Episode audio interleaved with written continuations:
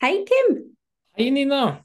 Hei. Eh, Du er min første gjest i Jakte på endorfiner, og det syns jeg er kjempekjekt. Ja, tusen takk for det. Det syns jeg også er en, eh, en gave. Utrolig begeistra over å være den som er med og kickstarter eh, dette podkastprosjektet ditt. Det syns jeg er utrolig gøy. Og så vil jeg bare starte egentlig med å bare gratulere som oppstarter av eh, pod. Og det, sånn jeg kjenner deg fra de løpene jeg har møtt deg på, og, og litt sånn rundt om forbi også, så er du et menneske som heier på andre og inspirerer andre. Så at du nå går ut i en podkast og gjør det her eh, i et eh, format der du når ut til så mange mange flere, det syns jeg er uh, utrolig inspirerende og gledelig å, å høre og få være med på. Hyggelig. Takk for fine ord. Det er ikke alle som eh, vet hvem du er. Jeg vet at du har mange følgere på Instagram og sosiale medier, og mange har sikkert sett deg på løp, på, på, iallfall på Østlandet. Eh, kan ikke du fortelle litt om hvem er Kim Borge Kolstad? Ja, eh, Kim Borge Kolstad, meg. Eh, jeg eh, bor på Jessheim, er opprinnelig fra Solør, så min bakgård fra barndommen det var Finnskogen. En kjempestor bakgård til å drive både uteliv og friluftsliv, og ikke minst trening og bevegelse. Som sagt så bor jeg nå på Jessheim, under samme tak som Cecilie. Tre barn og en bulldog, Max. Og jeg sier under samme tak, eh, som da tre barn, er eh, Det var også et barn Det vet jeg ikke svaret på. Det var Siri som min. Siri meldte seg, meldte seg, tydeligvis på der. Siri får ikke lov å Grunnen til at jeg sier tre barn, eh, er for jeg har ett barn til i himmelen, som er en stjerne på himmelen. Så jeg er en såkalt englepappa, og det tenker jeg vi også kommer litt tilbake til etter hvert, siden det er litt av temaet også, og eh, ja, fokuset. Ja, det er det. Og så mm. jobber jeg til daglig i tårnet eh, i Avinor flysikring i flytårnet på um, Gardermoen, OSL flyplass, som HR-rådgiver for flyvelederne der. Så det er jo litt sånn i korte trekk. Mm. Og hva liker du å gjøre på fritiden? Ja, fritiden, der er det selvfølgelig barna. Da jeg har barn fra 8 til 15, uh, uh, og en jente der i midten der som er 12 år. Og, så De tar jo mye av fritiden, selvfølgelig, men en annen ting som tar mye av min fritid, det er trening og bevegelse, aktivitet. Nær sagt all mulig bevegelse og aktivitet, men først og fremst løping. Da er det som står mitt hjerte nærmest. Også det friluftsliv, også være ute, det er også noe jeg setter utrolig pris på. Så det er vel det dagene blir fylt opp med. Ja, Og du, når du var ungdom og barn og hadde gym, hvem var du i gymtimen? Eh, jeg var vel en av de som ble eh, valgt først, for jeg, jeg, var ganske allsidig. Men fotball var jo det som jeg eh, drev med utenomskoletid også, så fotball var kanskje det der jeg Jeg var den som i hvert fall ivra veldig for at vi skal fotball i gymmen, hjørnefotball. Det var, eh, det var noe jeg syntes var utrolig gøy. Litt fordi at man hevda seg jo selvfølgelig der. Ja. Men um, gym var jo selvfølgelig favorittfaget på, på skolen, egentlig fra, fra barneskolen og helt til man var ferdig på, på videregående. Og da gikk jeg jo videre skolegang i militæret, befalsskole og etter hvert krigsskole, så jeg fikk jo åtte år etter hvert i, i militæret. Og det passa jo utrolig godt da med en utdannelse og et yrke der jeg både fikk være mye ute og være mye i bevegelse. Det høres jo kjempeflott ut. Ja, det var eh, en ja, fin oppvekst. Men jeg så ikke sånn som Finnskogen, da, som var bakgården min. Jeg, så så ikke skogen for trær. Ikke før i min voksne alder at uh, man har kommet tilbake og sett stiene, sett de der traktorveiene og grusveiene innover og sjøene. Og egentlig sett hvor vakkert det egentlig er, da. Det man ikke så, så som liten. Så ja. Det er ganske mange aha-opplevelser vi kan få som voksen. Ja, ja, så jeg forstår at mange både ble boende i bygda, og, og mange har flyttet tilbake til bygda også, faktisk. Til, bak til Grue kommune, og så, så, bor der. Og så har de starta med løp der, så jeg var faktisk en liten gjestevisitt og hadde en De reklamerer for Norges raskeste halvmaraton, så jeg måtte jo nesten møte opp der 1. mai. Så de starta i 2022, ja, i fjor. Og så da var jeg på noe arrangement og noe løping nede i Gøteborg, så da fikk jeg ikke blitt med, men i år så var jeg der og løp en halvmaraton. Og persa i snøvær, faktisk. Så det, ja, det snødde, og det tenker jeg det må jo Da ligger det vel inne en, en ny pers, kanskje om ikke så altfor lenge. Nå er det ikke akkurat halvmaraton det jeg løper mest, men, men, eh, det motiverer i hvert fall til å kjøre og ta noen gjennomføringer til, sånn at det eh, får pressa tida ytterligere. Mm. Hva lengde er det du foretrekker, da, siden du sier maraton er ikke den du foretrekker? Eh, når det gjelder løping, så er det eh, ultraløpene som, som, egentlig gir meg mest, og det jeg er mest motivert for. Mm. Eh, og det vil si at jeg har eh, mine maraton, kanskje jeg har 15 stykker. Mm Eh, Så har jeg vel fire-fem eh, halvmaraton og så ti km i sentrumsløpet. Så jeg syns jo all, alle mulige løp er morsomme, men hvis jeg må velge, så er det ultra. Og da nesten jo lenger jo bedre, eller i hvert fall sånn rundt 100 miles, som er litt sånn ja, sagnomsust eller klassiker da i ultramiljøet. Så 100-milesen som er eh, litt over 16 mil, den distansen som egentlig ligger nærmest eh, hjertet. Mm. Og da skal vi jo ikke skremme vekk eh, lyttere som hører på første episode med, med eh, første gjest, eh, om at eh, vi skal ikke fokusere på ultra og løping så mye.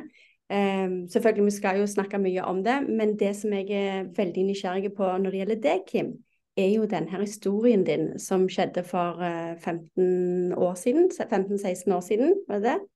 Hva ja. skjedde da? Kan ikke du fortelle hva som skjedde når du var på sykkeltur? Eh, ja, jeg fikk jo liv i gave, da. Det er jo litt av det som man kan sitte igjen med. Eh, jeg var ute og sykla, hadde hjelpa mora mi med eh, eh, stefaren min egentlig, med, med, min mors bil og få taua den eh, eh, nesten 50 km, 5 mil. Og så hadde jeg kasta sykkelen inn bak i bagasjerommet, sånn at jeg kunne sykle tilbake en oktoberkveld i 2008. Sånn at de ikke skulle bli hefta med å måtte kjøre meg tilbake til Kongsvinger, som jeg bodde den gangen. Så sykla på rv. 2 der og eh, kikka litt rundt meg sånn, husker jeg.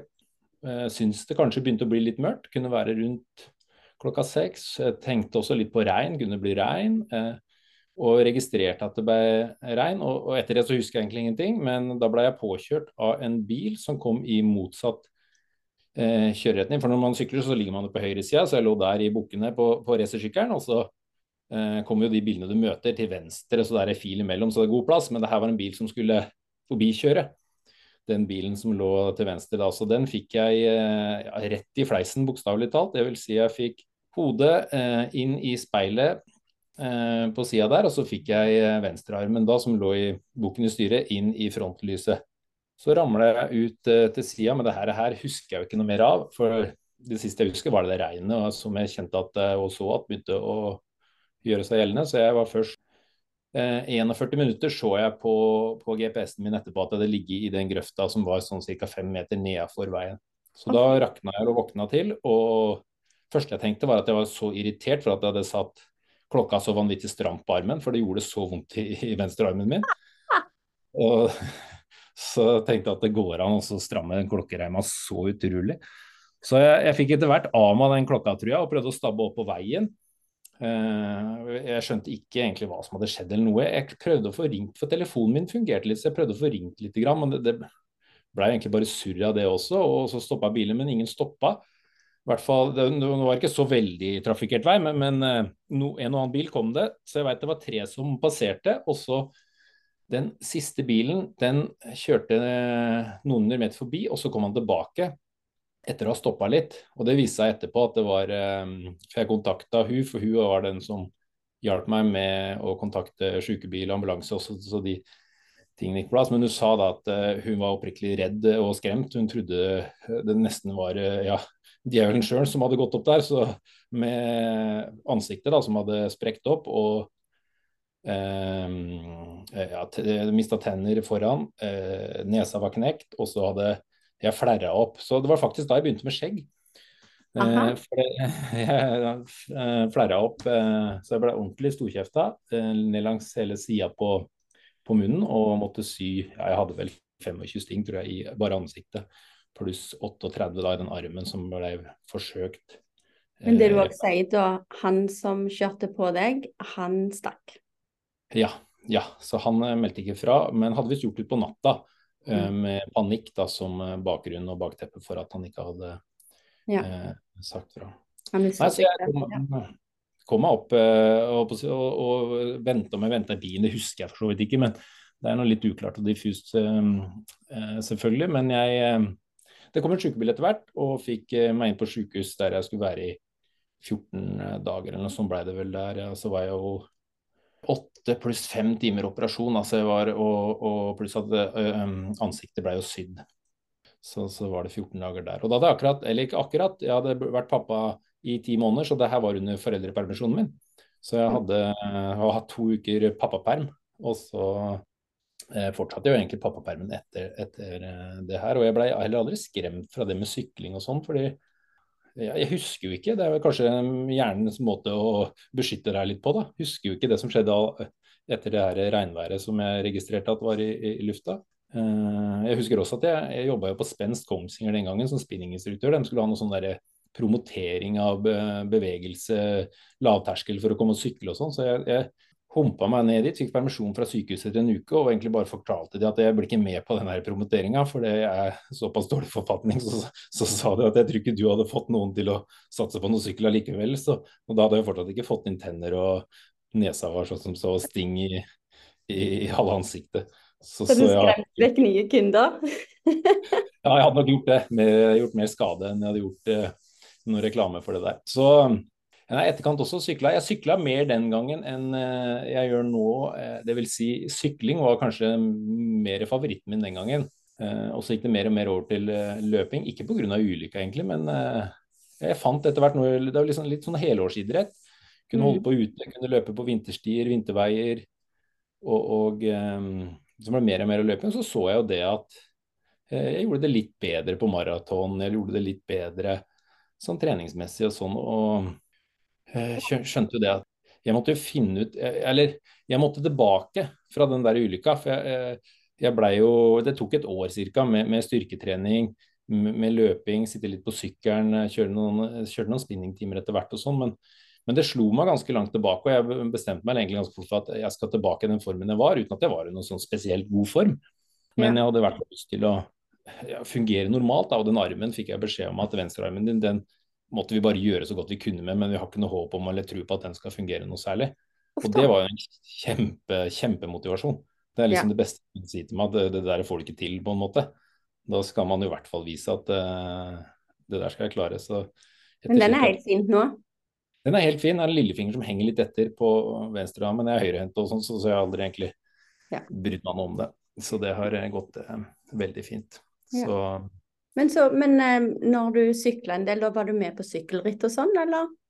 Ja, eh, den gangen så, og interessen var mest på, på uh, stisykling. og mm -hmm. så, så Birken, Raumerittet, eh, Farrisrunden. Jeg var med på en del sånne ritt som var rundt en åtte-ni-ti mil. Så, så, så, fant jeg litt glede i det, men mer som der tursyklist, egentlig. Og har egentlig aldri vært sånn der i konkurranseskalle heller. Det viktigste for meg var bare å kunne føle meg i god form og, og føle at jeg hadde kapasitet. og at jeg mm. egentlig bare lyst til å bygge en så god grunnmur som, som mye. da. Hadde jeg heller aldri noen, egentlig, noen sånne mål. Jeg meldte meg opp i et sykkelritt kanskje, eller et løp etter hvert. Bare, med, bare, for at jeg visste at hvis jeg hadde et løp om tre måneder, så visste jeg kanskje, eller da visste jeg at det ville trigge meg litt ekstra, da, og, og at jeg hadde betalt den startavgifta. Ja, det er gjerne det som driver oss eh, i starten, ja. ja. Men uh, etter sykkelulykka og du uh, ble ferdig med pappapermen og sånn, du trente forskjellig, ble bedre, bedre form. Uh, Prega det deg ellers i hverdagen? Altså bare det der å sykle og være ute, kjøre bil i mørket? Merka du noe der? Nei, jeg merka ikke noe til det. Jeg, men jeg merka det, det, at jeg hadde fått liv i gave på en eller annen måte. Jeg hadde ja. på en måte født på ny, nå må jeg ta vare på det her. Du, du har liksom så vidt eh, overlevd og, og, og ser litt tilbake på livet. Altså, det er noe litt til for at det skal leves, da. Så, så, så, så nå må du skjerpe deg litt. Så, ja. det, det, det ble en sånn vegg i livet som jeg ikke mm. så der og da, eller hadde kapasitet til å tenke over og reflektere over, for det var så mye viktigere å eh, bruke energien og samle seg på å bli ja, sterk nok igjen. da. Mm. Og bruke all mental kapasitet på å komme tilbake. Og sove. Jeg sov utrolig mye eh, første halve året der. Hadde mye hjelp med han eh, gutten. Selv om jeg hadde også satt meg noen sånne mål. Jeg skulle klare å skifte bleie på han sjøl med én arm. Det skulle jeg klare. Og så, og så hadde jeg til slutt så nærma jeg meg tominutteren. Jeg skal klare å skifte bleie med én arm på under to minutter. Det blei sånn greie. Ryggen var litt skakkjørt, eh, så, så det blei i starten til trilleturer og sånn, at jeg skulle klare å trille eh, rundt i nabolaget på under eh, ti minutter. Eller en kortere runde. Jeg skulle klare på spurt på to minutter. altså Det var en del sånne ting. da som ja, Pushups. Jeg skulle klare fem ene dagen, kanskje neste dag kanskje jeg klarte seks. altså Det ble en del sånne ting som gjorde at jeg Eh, eller jeg var veldig fokusert på det, og så kom alt det der andre med at å, her har det vært en vegg i livet eller en storm i livet, og du har kommet ut av det, ser litt tilbake på det, du har fått livet i, i, gave på en måte. Husker jeg kobla opp eh, på PC-en, for jeg kunne ikke se sånn direkte på telefonen den gangen. Sånn, pulsen min og åssen syklinga og treninga hadde vært. Men der så jeg bl.a. Eh, jeg hadde 100 og et par og 20 i puls, tror jeg.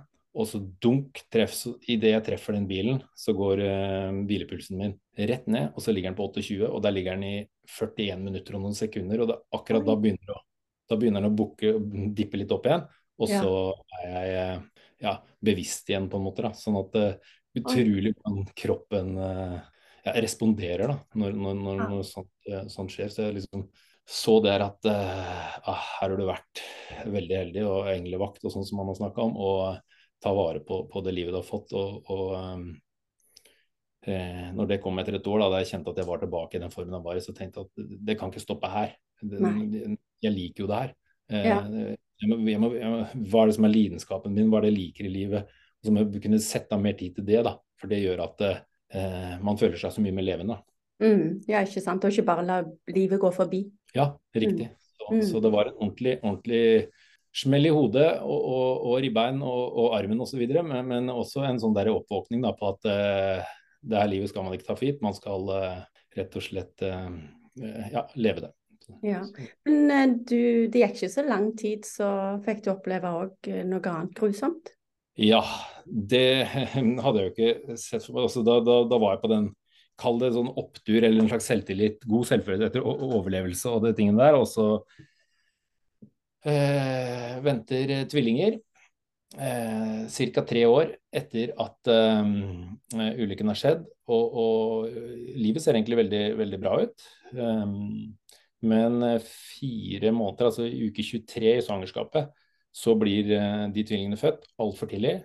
Og får beskjed uh, jordmor, lege, jeg vet ikke mens vi er under fødsel her, at om det her er noe vi ønsker å satse på. Altså, vi veit jo ikke. Det er barna våre, ja. Vi satser med alt vi har, hud og hår osv. Hva er det du snakker om, hva er det vi skal satse på? Selvfølgelig satse med, ja. Men jeg hadde jo ikke peiling på hva nyfødt intensiv var, og hva prematuritet var, eller noen ting. Så, sånn at uh, Men det var um, bare å gå med å si, hud og hår inn i, i det her nye prosjektet. Eh, og det gikk egentlig veldig bra. Selvfølgelig var det opp- og nedturer daglig. Det var snakk om hjerneblødninger, det var snakk om en duktusoperasjon, at de måtte inn og operere og lukke en sånn eh, sak eh, året inntil hjertet på hun jenta. Og, og, så var det dårlige lunger på han gutten. Så um, ja, da bor man jo på sykehus. Det blei jo fire og en halv, fem måneder nesten til slutt på, på sykehus. men og etter åtte uker så får man egentlig beskjed om at eh, ting har roet seg.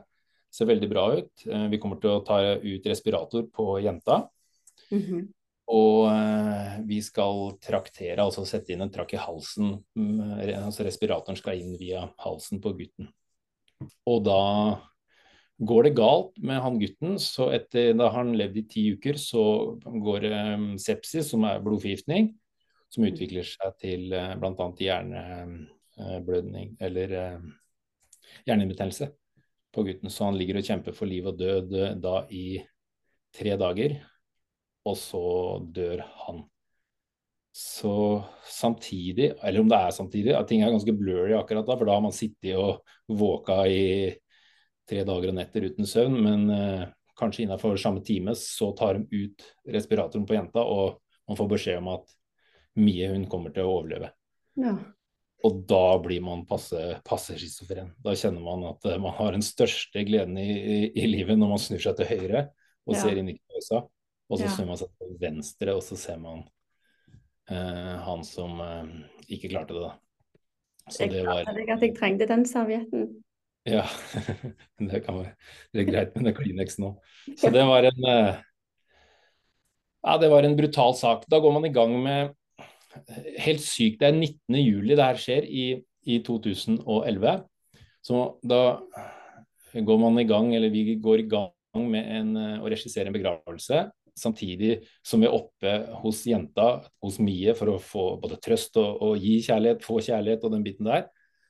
Og så går det et par dager, og så er det jo 22. juli. Så da ja. står hele Oslo på hodet. Da kommer jo skada personer inn, og det er en krigssone ut av en annen verden. Og det kommer blodgivere, og det er fullt trøkk på Ullevål sykehus idet vi sitter og prøver å sørge og prøver å glede oss over alt som har skjedd i, i, i, i vårt liv. da. Så, som ja. også føles på mange måter som en krig på innsida. Da, fordi du, du veit liksom ikke hvilke følelser du skal følge opp, eller hva du skal gjøre. Men samtidig har du en begravelse og, og noe konkret å ta tak i. Og ikke minst eh, ikke se til henne, da. Og Anton, eller sønnen min fra før, som, som også krever eh, ja, pappa og mamma i livet han som, som eh, mm. Når man er voksen og har barn, så har man jo et, et stort ansvar. Ja, det er mye å følge opp der, og så får dere det som alle andre fikk oppleve utenom. Um, ja, ja. Det, ja, det, er helt umulig for meg å forestille meg hvordan dere hadde det. det Nei, det var en uh, ja, vanvittig periode, egentlig, hele den greia der. Men samtidig så har jeg jo med meg det der perspektivet. For at jeg, jeg kunne jo vært død i den grøfta i 2008 også. Mm. Sånn at og så, så ville jeg vært det foruten. Altså, det er masse tanker, om ikke akkurat der og da, så, så etterpå, der jeg begynner å resonnere litt, se litt tilbake. Uh, altså, livet skylder jo egentlig ingenting. Altså, så, sånn at jeg får jo med meg hun Mie, da, som, som overlever det her, og går igjennom en sånn vanvittig sorg og får kjent på alle de vonde følelsene og urettferdighet og den biten der. Samtidig som jeg har hatt ti uker med Leon, da, der han har vært på, ligget på brystet mitt tre timer av gangen. Eh, og umulig å finne noe mening i det, men allikevel så er han på mange måter med videre. Og det har gjort det, hvert fall jeg har følt veldig sterkt på det ansvaret og den eh, farsfiguren og, og, den foreldrerollen jeg har lyst til å ha overfor de andre barna. At jeg har i hvert fall lyst til å gi de eh, ja, de, beste forutsetningene for, for, for å, takle livet og, og, både se at det er både fine ting og ting som gjør deg glad, og, og ting som, som, kan gjøre vondt, som man, man, må jobbe litt ekstra med for å komme Så da ble det enda sterkere, det her med ok, hva er det jeg liker i livet. Nå, nå, nå trenger jeg virkelig noe som kan jeg skal jobbe med den sorgen, og det, er, det, det her er liksom dødens dal. Men så var det naturen, og spesielt fjell, da, og det å komme seg ut dit. og gjerne gå i fjell, eller løpe i fjell. altså Komme seg litt opp på fjelltopper, få det her perspektivet. Eh, den, den, roen som man finner ofte i fjellet også, og i naturen for øvrig. Der jeg har hatt en del teltturer og vært mye ute, der man kjenner på at man virkelig får, får bearbeida følelsene, får følt det helt ut, og man får tenkt tankene helt ut. Sånn, ja. Så man ikke får det, det er ikke tøys det de sier om at uh, har, du det, har du det tøft, Sliter du mentalt, uh, eller om det er emosjonelt, så er naturen uh, gull. Den hjelper på på så mange nivå. Det, også, det er bare det der å ikke ta med musikken og gå ut og bare være til stede. Det, mm. Det kan hjelpe alle. Ja, det støtter jeg, støtter jeg veldig, også, og, og mm. har eh, mange gode opplevelser. Eh, og, og, ting går ofte gjerne litt sakte på, på en sånn fin måte når man er eh, ja, ute i naturen. Mm. Mm. Så, så, blir jeg gjerne litt rastløs, så kjenner jeg at jeg mister, mister det litt. Så jeg har, jeg har ikke nyttårsforsetter, men jeg har gjerne sånne justeringer som jeg ønsker å gjøre, om, om det skjer i desember eller januar, eller om det skjer i mars. Det er gjerne sånn det i, i 2020 f.eks. Eh, nei, 2022, da man kom ut av korona og pandemien og sånn der, så hadde jeg mm. merka at jeg hadde vært eh, lite sosial, som sikkert mange andre. Mm. sosial distanse og sånn der. Og, da hadde jeg sånn mål om at ok, 100 av løpeturene mine i 2022 det skal være sosiale løpeturer. og så eh, satte jeg en strek da, for, for, for, for hver gang jeg hadde en sosial løpetur. Så jeg fikk eh, nærma meg mer og mer. Og så får man litt ja, endorfiner, men man, man, man, man, blir litt fornøyd. Opplever en liten sånn mestringsfølelse hver gang man setter en strek. Og så kom jeg med årets ende, og så havna jeg på jeg tror 102 løpeturer som var sosiale. For en god idé. Den der var jo helt genial. Ja, jeg har hatt med meg det. You get what you measure er liksom en sånn greie som jeg har hatt med meg egentlig hele tida. Og så, så når jeg mista Leon og gutten også, så tenkte jeg eh, jeg måtte finne det her, jeg, hva jeg liker og det som jeg var inne på. Ja. Men jeg måtte også Hva, hva, hva er kjærlighet? Hva, det, det, må jeg ha i livet mitt nå. Herregud, jeg føler meg helt naken. Eh, jeg, jeg må ha varme, kjærlighet, og hva er det? Og så kunne jeg liksom ikke finne noe annet. Altså, jeg er fra, på grensen til Finnskogen og sånn. Hva, hva, hva, er det egentlig? Jeg fant ikke noe annet svar. Men jeg, jeg skal ha eh, minst eller 30 klemmer per dag, var en sånn der greie jeg skulle måle. Da. Så, så, så da ble det strek hver, gang jeg hadde, hver dag jeg hadde klart 30 klemmer. Og jeg fikk jo mange klemmer på den tida, altså nærmeste familie osv. Så, videre, så, så, så, så da var det liksom en sånn der liten sånn ja, metafor eller symbol på at på, på, på, at det er faktisk mye kjærlighet. Jeg tror jeg er oppe i 50 klemmer jeg, med flere dager. sånn at... det er genialt, Kim. Jeg leste en plass at hver enkelt person bør få, få å gi syv klemmer per dag. Ja, hør der. Hør der. Ja. Ja, ja, ja. Jeg er en sånn ordentlig klemmeperson. Jeg merker jo når jeg treffer folk som ikke er klemmere, men det er liksom sånn jeg stjeler den klemmen allikevel. jeg vet jeg at det gjør godt ja, jeg får også noen sånne bakhodekoser av barna mine av og til, men uh, det er jeg inne i statistikken. Men etter hvert som jeg liksom har gjort det der da med telt uh, i fjor var uh, Jeg syns jeg hadde fått mista litt sånn der nær til naturen, for det var ja, det er mye som skjer med, med barn i de, den alderen de er i. Så da bestemte jeg meg for at det er aldri en uke uten en natt ute. Så da var det hver uke jeg hadde klart å ha en natt ute, så tikka jeg. Så da ble det 13 uker i fjor. Ja. Og så når jeg har gjort det derre Eh, målt det, liksom. Så, så, i år så trengte jeg ikke det. Og det samme med de klemmene. Nå har det blitt mer en sånn naturlig greie eller vane. Eller, sånn at, sånn at det, det, er der, liksom. Det blir en del av det her eh, plattforma, på en måte. Så denne, i år så er jeg allerede oppe i ni uker der jeg har hatt en natt ute. Ja, så bra. Så um, det, måle det litt sånn i starten, det syns jeg har fungert ganske fint for meg selv. Men ikke er noen sånn tilhenger av Excel eller noen ting. Det er liksom god gammeldags uh, notatbok, og så er det en strek. Og så smiler du litt for deg sjøl og litt uh, fornøyd med egen mestring. Og at du har fått en ny strek eller stjerne eller klistremerke eller hva det måtte være i, i boka for å, for å ha gjennomført, da. Ja, ja, det er genialt. Det er jo de som legger inn sånn manuell uh, treningsøkt på, på Strava. sant? Jeg har tatt mine ja. x antall tåhev. Ja. Hva andre mål setter du deg? Setter du eh, store mål, mange små mål? Har du en plan på det hvert år? Eh, ja, det vil jeg si at jeg har. Eh, mål, eh, det var jo litt inne på her i innledningen også, at jeg setter meg eller betaler en avgift hvis jeg vil være på løp. Sånn som nå, så jeg, skal jeg være med på Kullamannen, som er et løp i, i, nede i Sør-Sverige, Båstad, som er en 100-miler. Og så var jeg også med på en på våren, så det har liksom vært de to store hovedmålene. Og så har jeg gjerne noen 10 km eller halvmaraton, eh, og gjerne maraton. Det ser ikke ut som det blir plass til maraton nå i år, men det er liksom hovedmålene da, som jeg jobber mot. Så, så, sjekker jeg inn på de andre løpene og ser at det, ja, jeg, jeg, jeg, er på rett kurs og, og retning. Mm. Eh, og det veit jeg at det, det, gjør at jeg er litt lenger eh, fremme i løpeskoene. Og um, leverer eh, kanskje litt bedre og litt mer strukturert på trening.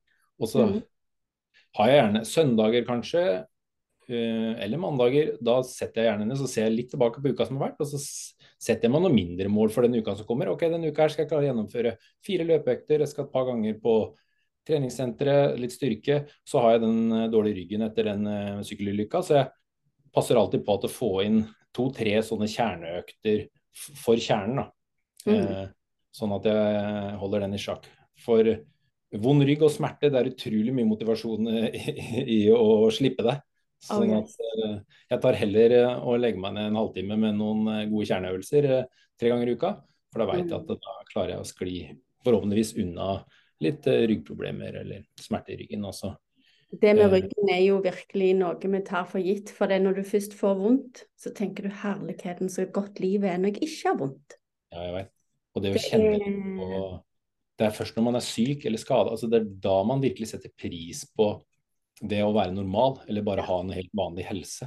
Så, ja, ja, ja. så perspektivet der er um, det, er jo en av, det gir jo mening i det å kjenne litt på sykdom. At det, det, gir mening, og, og, man forstår på et annet nivå da, hvor viktig mm. akkurat god helse er. Det er liksom, penger kan ikke måle seg, eller andre typer drømmer. Sånn, så ja, Nei, det, det, betyr utrolig masse. Eh, mål, så er det noen store mål. Jeg har jo sånn enda større. altså eh, Kullamannen som jeg skulle være på i november, det er for å det er den eneste i Norden der man kan kvalifisere seg til UTMB, altså Ultratrail Mont Blanc, som er 100 miler, og noen andre litt kortere løp også, nede i Chamonix.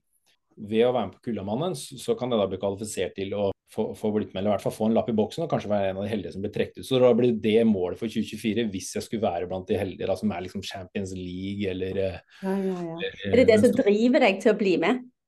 Eh, det driver meg til, men først og fremst det som driver meg, det, det, det er jo det sånn, Grunnlaget er jo det med barna. At jeg kunne få vise de at eh, selv om det er tungt, selv om det er vanskelig, altså det å ikke gi opp, eh, det å, å, kunne stå i motgang, det å kunne allikevel levere, eh, det, det, er det som driver meg helt, helt i bunn. Og så er det andre som mål og gode vaner og rutiner. Det er mer verktøy da, for å, um, kunne, kunne, vise den type ja, mm.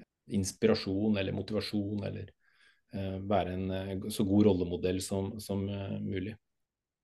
For noen gode ord, Kim. Du er virkelig en god mann. Du tar vare på familien og står på etter alt det du har gått igjennom. Det er fantastisk eh, inspirerende. Men eh, jeg tenkte vi kunne òg ta og snakke litt om den andre rollen du har som rollemodell for andre, eh, utenom familien. Og det er jo Essex Frontrunner. Kan ikke du ta og fortelle litt om det òg? Du er jo kaptein og greier for et lag. Så fortell litt om det, det er ikke alle som har hørt om dette. Assex frontrunner, det er jo eh, stolt av å være kaptein for et så fint lag og en så eh, vakker eh, blomsterbukett. Det er, vil si, jeg er kaptein på det norske laget, Assex Frontrunner Norway, som vi heter sånn offisielt. Og vi er 15 stykker, inkludert meg da. Og på verdensbasis så er Assex Frontrunner 700 løpere. Ja. Det er jo, det ligger jo litt i navnet, ambassadører for Essex og, og produkter Eh, som de leverer.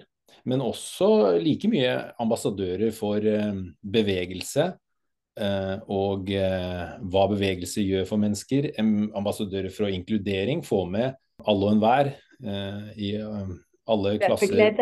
Ja. ja. bare spre mm. den gleden og, og, og, få så mange som mulig med på den ja, løpebølgen, eller bevegelsesbølgen, da, vil jeg si. Så, så det er ikke kun løpere.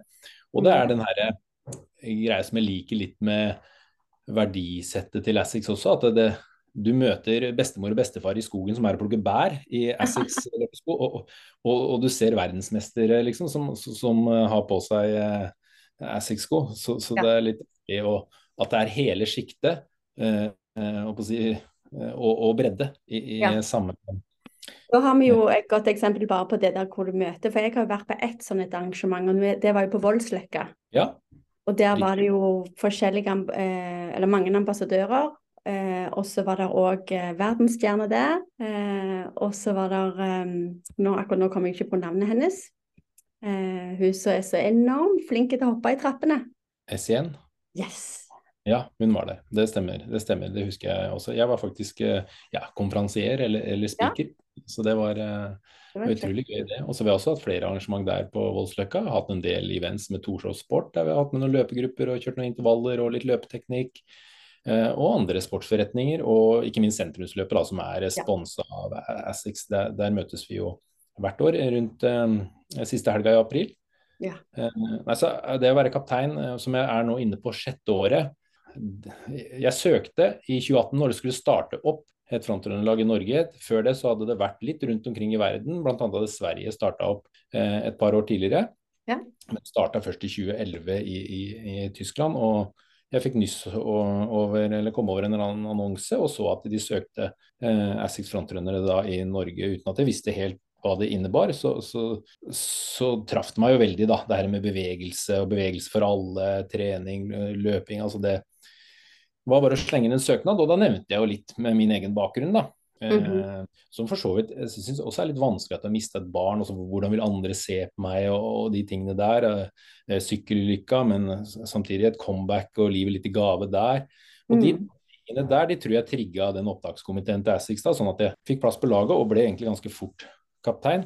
Og fikk mhm. være med å forme, forme laget eh, og, og, og, veien videre for oss her i Norge. og ja, det er helt utrolig. Og det, du kjenner jo også til det, det å ha jeg vil kalle det løpevenner jeg, som, som, støtter deg, heier på deg, backer opp uansett om du gjør feil eller, eller, eller, om du melder deg på en klasse for høyt og setter deg på høye mål. Eller, eh, altså de, de er der for deg uansett. Å ha den tryggheten da, som er i det laget, og den inspirasjonen og det å bli motivert av ja, Jeg kaller det blomsterbukett, for det er liksom Du har de som uh, gjør det utrolig bra og har blitt norgesmestere i laget. Og, ja. og du har også de som representerer uh, bredde og er med og drar i gang løpeklubber og løpeevents. Så, så nei, den omsorgen og omtanken og de fine verdiene vi har i det laget, alle som en er vidunderlige, vidunderlige blomster i den, den buketten. Og sånn er det med ja. med venner da, så, som støtter deg og er der. Ja, og det vil jeg faktisk si til de som hører på, som gjerne ikke trener noe særlig, men gjerne har lyst til å begynne med løping, da, som, som Essex Frontrunner driver med, er jo gjerne å sjekke på Instagram eh, hvem er disse her, gå på hjemmesida de, se hvem de er, komme i kontakt med de, for det er jo mange som ikke får det steget med å eller gjerne ikke har så mange løpevenner, og gjerne vennene til og med ser rart på dem fordi de skal begynne å springe. Eh, men bare Instagram kan hjelpe. Men det å komme i kontakt med andre løpegrupper, bare forhøre høre seg litt rundt, er jo gull verd. Det er bare ja. et spørsmål. Og folk i løpemiljøet sier jo ikke nei eller dropper med å svare. Nei, det er en Som sagt, jeg hadde jo utrolig mange usosiale løpeturer. De aller aller fleste av de, sikkert godt over 90 i, i, de her pandemiårene. og ja. En av de tingene jeg målte da, var jo det rett og slett målet mitt. Eh, det var vel det eneste målet, pluss at jeg skulle være med i noen maraton og pushe eh, tre timer eh, i, i 2022. Men det å ha noen å løpe sammen med, både sånn for den gode samtalen og, og ikke minst eh, Eh, dele en opplevelse sammen. Så, ja, og, og, at du virkelig tar på deg skoene og går ut døra for du har en avtale. Den går jo igjen ja. hele veien, og det er så sant. Ja, det er det. Det, det er. Det er absolutt. Så viktigheten av eh, folk som backer deg, støtter deg, og, og, man kan gjøre sånne type avtaler med, er alfa og omega. Ja. Men eh, meg og deg skal jo snart stille på startstreken eh, på samme plass på Sognsvann. For meg og deg ja. skal jo på, være med på Oslo Triatlon. Det er helt riktig. Ja. Det er et eventyr i, som starta egentlig i fjor. Eller det starta ikke i fjor. Jeg har jo eh, jeg, Som nevnt, sykling har jo vært en av mine favoritter tidligere. Og så mer og mer utvikla også bevega meg eh, i løpesko. Og, og, mhm. det er kanskje det jeg finner mest motiverende. Så det var egentlig bare svømming som var ankepunktet mitt. Og jeg har alltid sett litt opp til de som har vært gode svømmere, så, så, så tenkte jeg da hadde jeg jo de to av tre da, for å gjennomføre en triatlon, så da gjelder det Det som en utfordring? Ja, jeg gjorde det. Og ja. det var eh, i fjor min første olympiske distanse. Og min første triatlon noensinne var, var i fjor. Ja, du gikk rett på olympisk? Ja, jeg gjorde det. Her har du meg som gjør det for niende gang og har gjort sprinten, som er halvparten, da, i så mange år. Og nå tar jeg olympisk. Du, du er tøff. Ja, og det var, det var, en god erfaring å ta med seg. For jeg var helt sist på svømminga. Det var, det var, det var meg, og så var det to til. Og, og jeg, jeg, visste jo ikke åssen uh, jeg skulle sikte når jeg lå ute i sjøen der. Så når jeg svømte, mm. så, så, så, så, tenkte jeg at han, han, som lå til høyre, han lå litt for langt til høyre, syns jeg. Han som lå til venstre, lå litt for langt til venstre. Så jeg tenkte jeg legger meg midt imellom de to, vi tre som var sist. Ja. Men allikevel så, så havna jeg, og det er 1500 meter som er svømmedistansen der, men når jeg kom i, og tikka inn, så hadde jeg 2,2 km. Så det jeg var dårligst på, der hadde jeg levert langt over uh, den distansen som egentlig jeg skulle. Så, så, det ga en kjempemotivasjon. Jeg fikk både ta og føle på det å være sist, uh, og jeg fikk uh, vært med um, på å gjennomføre noe jeg ikke egentlig var helt rusta for, men det ga masse motivasjon å uh, ja. klare å levere det og, og bli bedre. Så, så, nå har jeg brukt eh, vinteren til å terpe både teknikk og ikke minst sikte. Jeg må bare si det at Første gang jeg eh, var med på triatlon og kom opp av vannet, så ropte min sønn, som da sikkert var ikke i barnehagen, 'Mamma, mamma, hvorfor svømmer du så sakte?' ja, ja, ja. ja, det er heldigvis ikke lett Han har heldigvis ikke ropt det siden, så mm. Nei, men det er bra. Da har det vært ja, eh. Da har du noe å terpe på til seinere, liksom. Mm. Ja. Altså, ja. Det er litt sånn skigreie det med, med triatlon, og jeg eh, syns det er eh, utrolig gøy. Og så tenker jeg når jeg har fått Hvis lufta går litt av, ut av ballongen på de her løpeprosjektene og de her ultraene mine, så er det jo nærliggende å tenke Ironman og den eh, retningen der. Ja, så... for det tenkte jeg. Klarer du å holde deg til den distansen, eller tenker du at du skal videre? Nei, jeg vurderte egentlig å ta den Ironman 73 nå, nå den sommeren her. Mm. Eh, men, men, så haster det ikke mer enn at eh, jeg kan godt skyve litt på det. For, for som sagt, den der ultraløpinga, den ja. har ikke gitt helt slipp enda, og det kommer den ikke til å gjøre heller. Jeg må gjøre et ærlig forsøk på, på å kvalifisere meg til UTMB eller noen andre sånne ja, stjerneløp da, inn i ultraverden som jeg har lyst til å ja. ha med meg. Ja, ja, ja. altså. Du får, uh, prøve å, å, nå målene som du, du, setter deg, og drømmer du har. Det er jo så viktig. Ja, ja det, det er det absolutt. Og så sier de at uh, mål skal gjerne skremme deg opp av senga om morgenen. Og nå er det ikke egentlig det som skremmer meg ut av senga om morgenen. Jeg trener stort sett alle treningene mine sånn fem-seks på, på morgenen. Ja. Eh, så sant jeg ikke har noen løpetime, for jeg begynte, jeg har hatt både sykling og kettlebell-trening og nå løping da på spenst. De har jeg gjerne på ettermiddagen, da. Men ja. uh, det som gjør at jeg hopper opp om morgenen og, og i løpeskoene eller uh, sykkelskoene osv., det, det er fordi at jeg liker å få gjennomført det, sånn at uh, jeg har tid til barna når de er tilbake fra skolen eller de skal på sine fritidsaktiviteter, få gjort unna de tingene. Det... Jeg, vil ikke at, jeg vil ikke se tilbake på et, en tid når de var små, der jeg har vært så mye fraværende fordi at jeg skulle forberede meg ti minutter på en maraton eller litt sånne ting. Det, det, ville vært litt vond smak i munnen, da. Det er vel flere som gjerne kunne tenke seg litt om der, tenker jeg. Men uh, hver sin familiesituasjon og få hverdagen til å gå opp.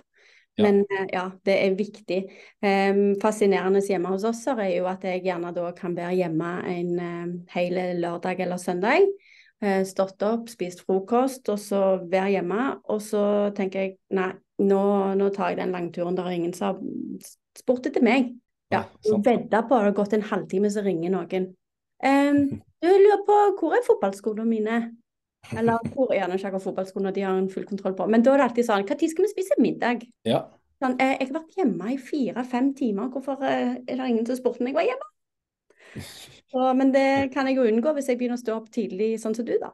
Det er, også, det, det er også en kjempefordel, for det er ingen i verden egentlig som, som eh, regner med å få tak i deg sånn i seksdraget på morgenen. sånn at det, det, er ingen som eh, tar kontakt.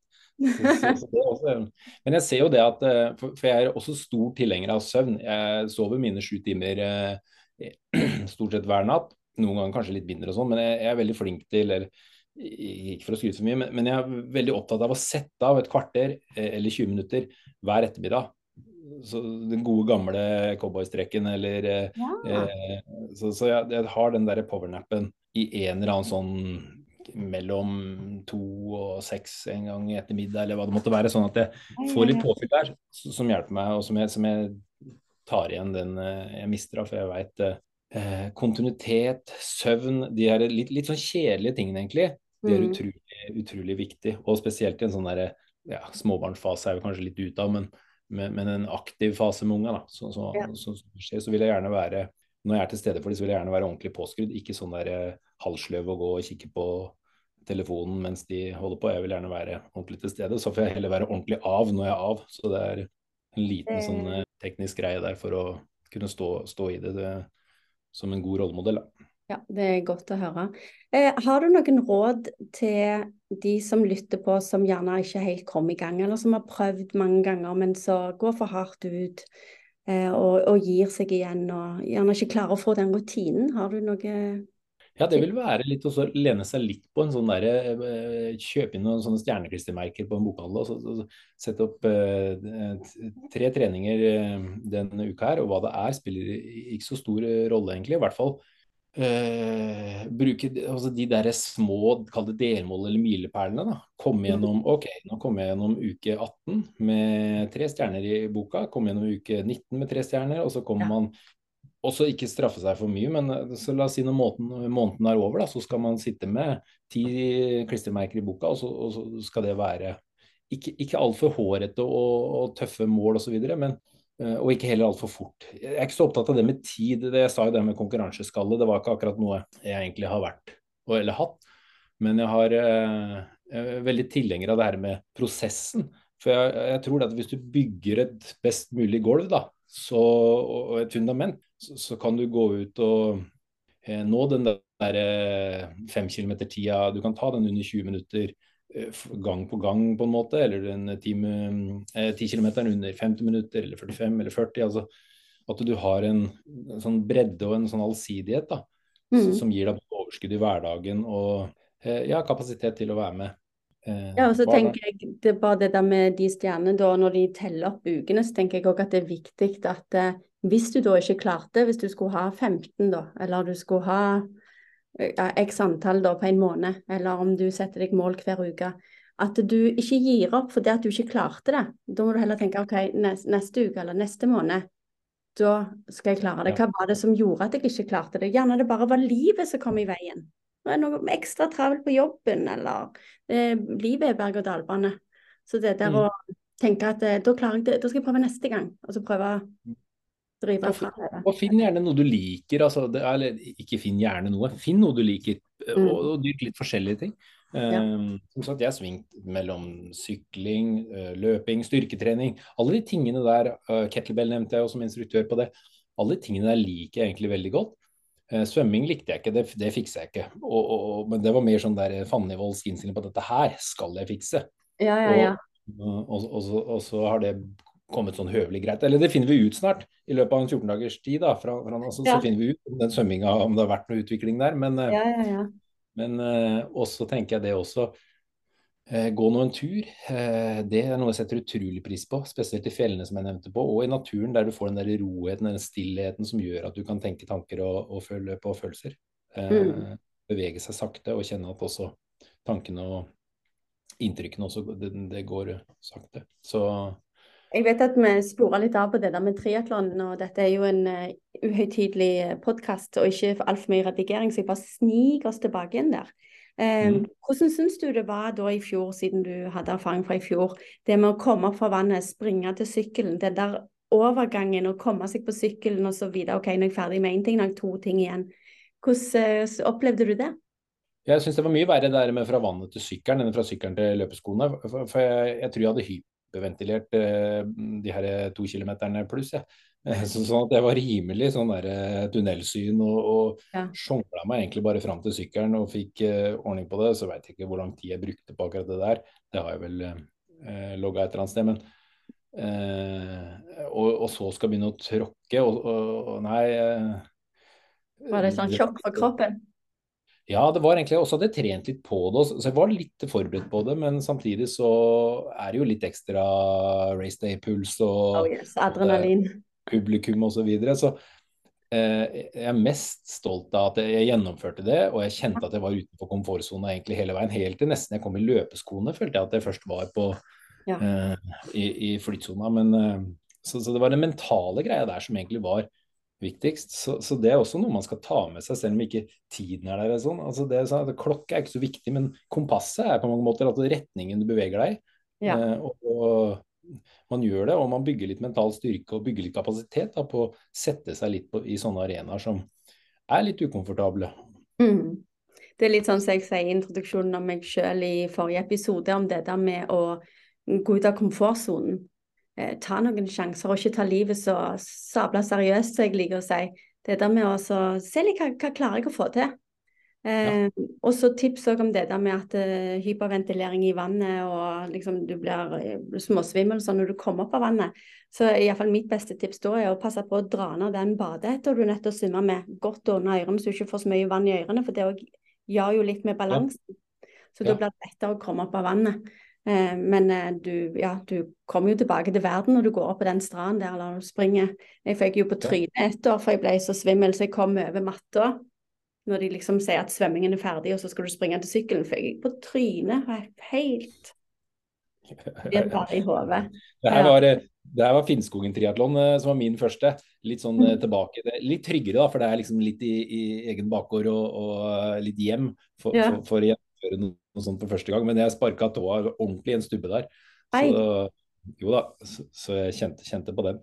Men, altså, men, litt sånn skal det være. Og det, sånn blir det litt sånn artige historier av det, og man kan le av det, som du sier, eh, i ettertid. Og, ja, da, og det er jo når det skjer noe spesielt, vi husker det bedre seinere òg. For det mm. når du, iallfall hvis du deltar på løp eller ritt eller triatlon eller eh, drar på mye turer, så er det jo de gangene det skjedde noe spektakulært eller eh, noe du så eller noen du ble kjent med eller eh, Det er jo det som, som gjør det stort. Ja, og nettopp det, det, det du sier der med det skjer noe spesielt. altså De der øyeblikkene, de der gripe de øyeblikkene. Det var litt derfor også jeg jakta litt fjelltopper, eller satte meg litt i sånne ukomfortable, sånn som triatlon eller en, en ultra 100 miles som jeg hadde gjort. Altså, det blir noen sånn ordentlig sterke øyeblikk som egentlig setter alle sanser og følelser og tanker i, i, sving. Og det gjør det også det når du tenker på det etterpå. Og det er jo mm. det som er på mange måter man er inne på der livet er til for å leve sånn i starten. at det, det er jo de tingene der du kjenner at du virkelig lever, og du er virkelig til stede da, i, i det øyeblikket, øyeblikket med ja. alt du er og har.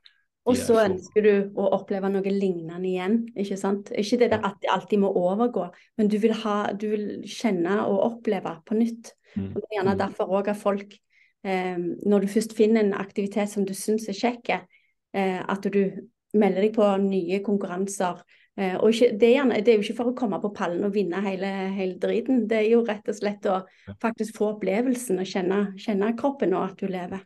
Ja. ja, det er det. Det er det som er på mange måter premien. Akkurat, ja. Eh, akkurat det der, der, å ha det på CV-en og minnebanken og ha det med seg for resten av livet. Så... Ja, virkelig. Da vil jeg takke for at du ville være med i min podkast. Jeg syns det har vært utrolig kjekt å høre på din historie. Og du er en motivator, en inspirator og gledesspreder. Det er veldig gøy å følge deg på Instagram. Eh, til og med når du isbader, og jeg prøver, men jeg er ikke så flink som deg. Eh, det var jo i ukomfortable situasjoner man skulle sette seg, så Ja, ja, ja. Det er jo det. Ja. Nei, tusen takk for du, Anina. Dette syns jeg var um, ordentlig, ordentlig um, inspirerende å få, å få, være med her uh, sammen med deg og, og, snakke med deg om, om ting som uh, ja, har prega meg, som har vært vegger i livet, skiller i livet, som har uh, gjort at jeg også dyrker den der bevegelsen. Mennesket er ikke skapt for å være i ro. Da hadde vi vært trær på Finnskogen, da hadde det vært gran eller furu, så hadde vi fått røtter, og så hadde vi vært der og stått der hele livet. Det er en T-skjorte som sier at det, du er ikke født for å sitte på, på ræva, er det ikke det det står på den ene T-skjorta? Ja, det er riktig. Det er riktig. Så vi er skapt uh, og har en anatomi som gjør at vi kan og skal bevege oss og utvikle oss. Så det må man bare, bare ta med seg. Ja, jeg håper denne episoden eh, gjerne kan inspirere folk til å pushe sine grenser litt. Gjerne prøve noe de ikke har prøvd. Eh, hvis, uansett om du er veldig aktiv eller mindre aktiv. Eh, det eneste du skal måle deg med, er i alle fall deg sjøl og kose deg. Da vil jeg si masse lykke til på triatlon, Oslo Triatlon, og ikke minst denne inspirerende podkasten din, Nina. Lykke til videre fremover med det ja, herlige prosjektet. Jeg applauderer det. Tusen, tusen takk.